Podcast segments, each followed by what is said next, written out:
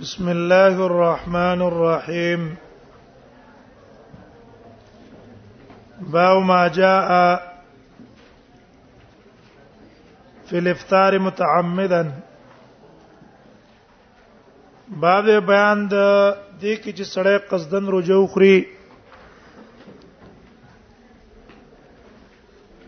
نو د دې روزي خړلو کټول عمر روزي اونیسی دغه فضیلت براګیر نه کی ها نفس قضا د روزي به په یو ورځ راځي چې یو ورځ ورځ روزي اونی ولا رمضان قضا په راځي چې کوم روایت کې دي چې ټول عمر به په پرواله ونه کی معنا د هغه فضیلت په مند نه کې وبي قال سنا بندار قال سنا يحمل سعيد عبد الرحمن بن مهدي قالت سنا سفيان حبيب بن ابي ثابت قالت سنا ابو المطوس عن ابي ابي هريره قال قال رسول الله صلى الله عليه وسلم من افطر يوما من رمضان نبی صلی الله علیه وسلم چا چې یو ورځ ما تکړه روزه د رمضان نه من غیر رخصتن په غیر د څو رخصت عذر نه بیمار نه ده مسافر نه ده سپینګیره عاجز نه ده ولا مرض او په غیر د مرض نه لم يقضي عنه صوم الدهر نو قضا برانوړي دا غینا روزه د ټول عمر و انسان وګر کدا روزي ټول عمر ونی شي دلم یقضی دا معنا نشو مخکې مونږ ویل یعنی ټول عمر روزي دا غینا قضا نه کوي قضا یو رجم کافی کیږي دا روزه د رمضان خوړله دا غینه به یو ورځ روزي قضا راوړي دا دغه په ځای کافي شو دلته معنا دا ده چې د یو ورځې روزي چې کوم فضیلت ده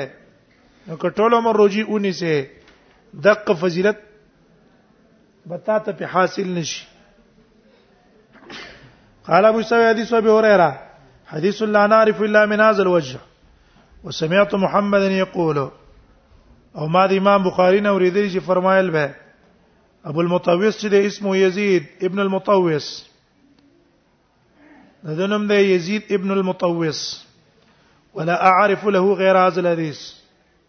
دې حدیث نه بغیر بل حدیث ما ته معلوم نه ده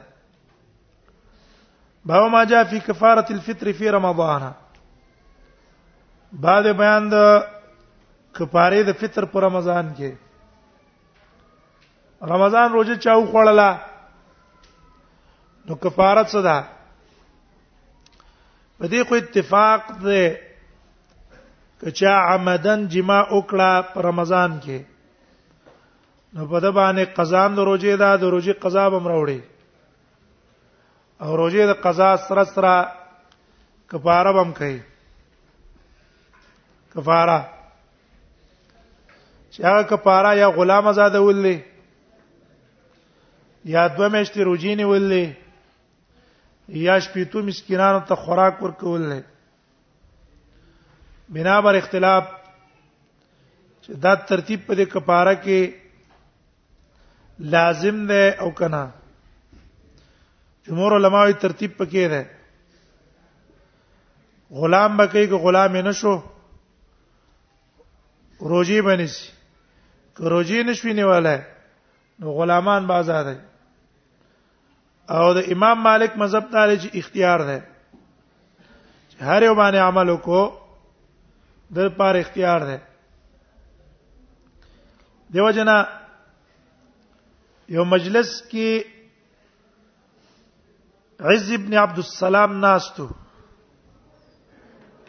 او دا وخت کې بادشاہ غټ علما په کې ناستو د عز ابن عبد السلام نه تاسو کړو چې سړی په رمضان کې جماو کې د دمانه کفاره څه ده بس دو تی ویل چې دوه میاشتې روزي بنسي نه یو ته د غلام ویل او نه یو ته د مسکینانو ویل وې دوه میاشتې شهرین متتابعات بنسي نور علماو دا مجلس برخاش شو ته چې تاول په دې کې اختصار کو په دې او کفاره ولې دې کې غلام آزاد ول نشتا او مسکینان ته خوراک نشتا غل ما ته پته ده او دا بادشاہ دې غلام آزاد ول ته خبره نشته شپې ته مسکینان ته خوراک ورکول دته ګران نه دی به به اروخ رمضان خوري او کفاره به ورکړي دا دوه میاشتې مې وتی ویلې چې ځان ته څه کی احترام د رمضانو کی چې زه خو به مې روزي نشم نیولای ځان به دې امور نه ساتي لیکن خراس کا کې اختلاف ده یو سړی عمدن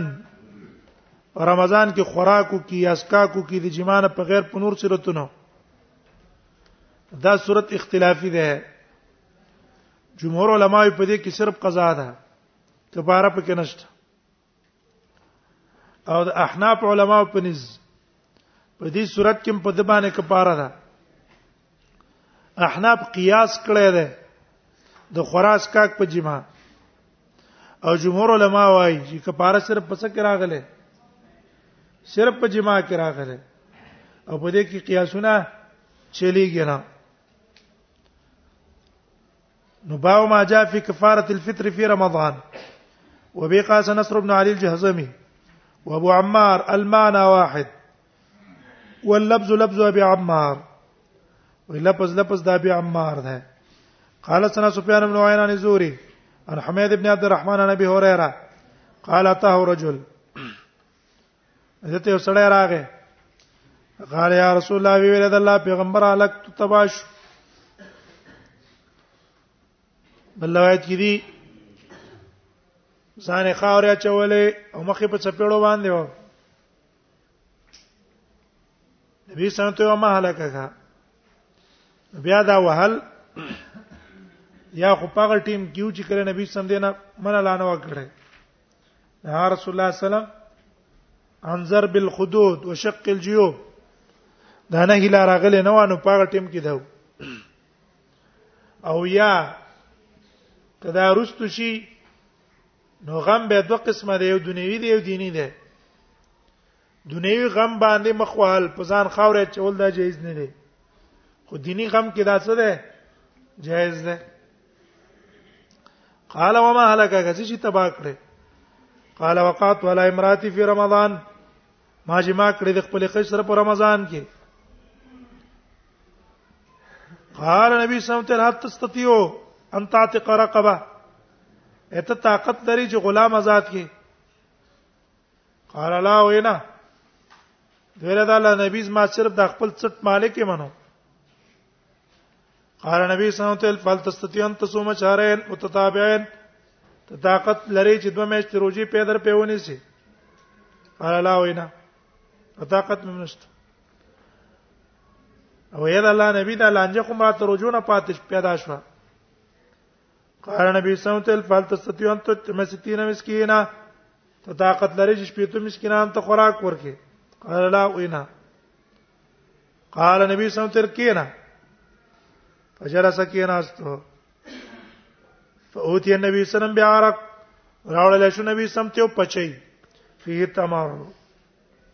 هغه کجوري وي والعرق المقتل الزخم غټي پچي ته وي قال فتصدق به وی سم تل دا صدقه ورکا فقارن دویل ما بین لابته احدن نشته دی اطراف د مدینه کې یو تن افقر من نادر محتاج زمونږه نه زه په خپل محتاج دې بل څنګه ورکما ذایک النبی صلی الله علیه وسلم او خلد النبی صلی الله علیه وسلم تبدت انیابه تر دې چې نبی سم غاخونه د خندان ښکار شو قال نبی سم خذ فاطعمها لكها ويخلى بس په حال دی ورکا هم مقدار به څونه ده احناف علما واي عام شین نه سواد ده غنمو نه سپي سواد ده لیکن جمهور علما واي چې دا مت ده مت ولې روایت د ابو داود کې دي وي دا مقتل واخله او پای کې څو 15 سوا 15 سوا پنځل لسوا چې په څلور باندې تقسیم کړو شو شپې ته شو کنه شو هر مسكين ته یو مد ملاو شو او کم کې چې زیادت راغله د امر محمول له استحباب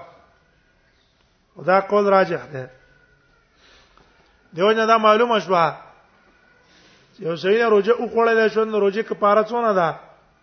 یو مد ټول رمضان شل کیلو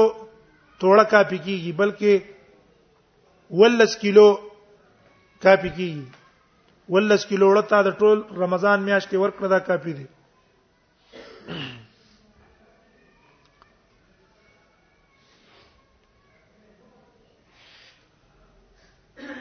دویا مسله دا ده چې یو سړی دی عاجز شو د کفاره ورکولنا کفاره ته ساقط شو کنه عام علما وايي ساقط ته نه چې کله وس پیدا شو ورکوي بعض علماء یې ساقط د زکه د نبی سم نه دی وی چې څوکا ته به دې رستو قضا وکا او فی الباب ابن عمر و عائشہ او عبد الله ابن عمر قال ابو سعيد حديث ابي هريره حديث سنن صحيح حدیث حسن صحیح ده علماء العاز الحدیث اند علم عمل په دې حدیث ته پنځ د علماو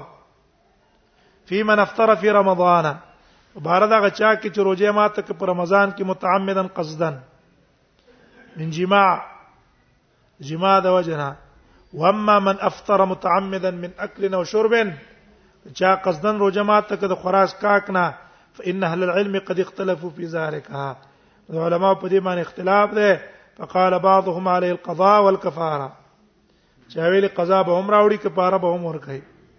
وشبه الاكل والشرب بالجماع د مشابه کړه د هغه سره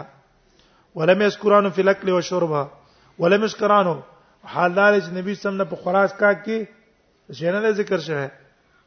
وقالو خب دا مذهب د چا دی وو قول سفیان ثوری ابن مبارک او اسحاق دا د سفیان ثوری ابن مبارک او اسحاق قول ده او دا د امام بونی فقه قولم ده وقال بعضهم عن القضاء ولا كفاره بعض علماء وايي چې د باندې قضا د کفاره په نشته لانه انما ذکر عن النبي صلى الله عليه وسلم الكفاره في الجماعه ځکه نبی صلی الله عليه وسلم کفاره صرف په جماع کې نقل لا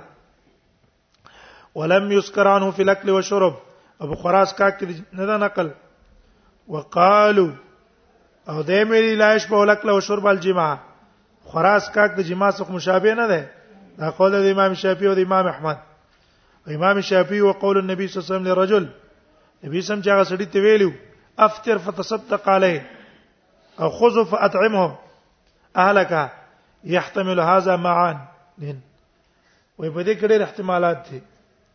یو احتمال پکې دا دی ان یکون الکفاره ولا من قدر علیها چې کفاره په هغه چا لازمه ده چې هغه قادری په کفاره ورکولو او چې وطن په کفاره ورکولو قادر نه دی عاجز دی نشته په هاذا رجل لم يقدر الكفاره دا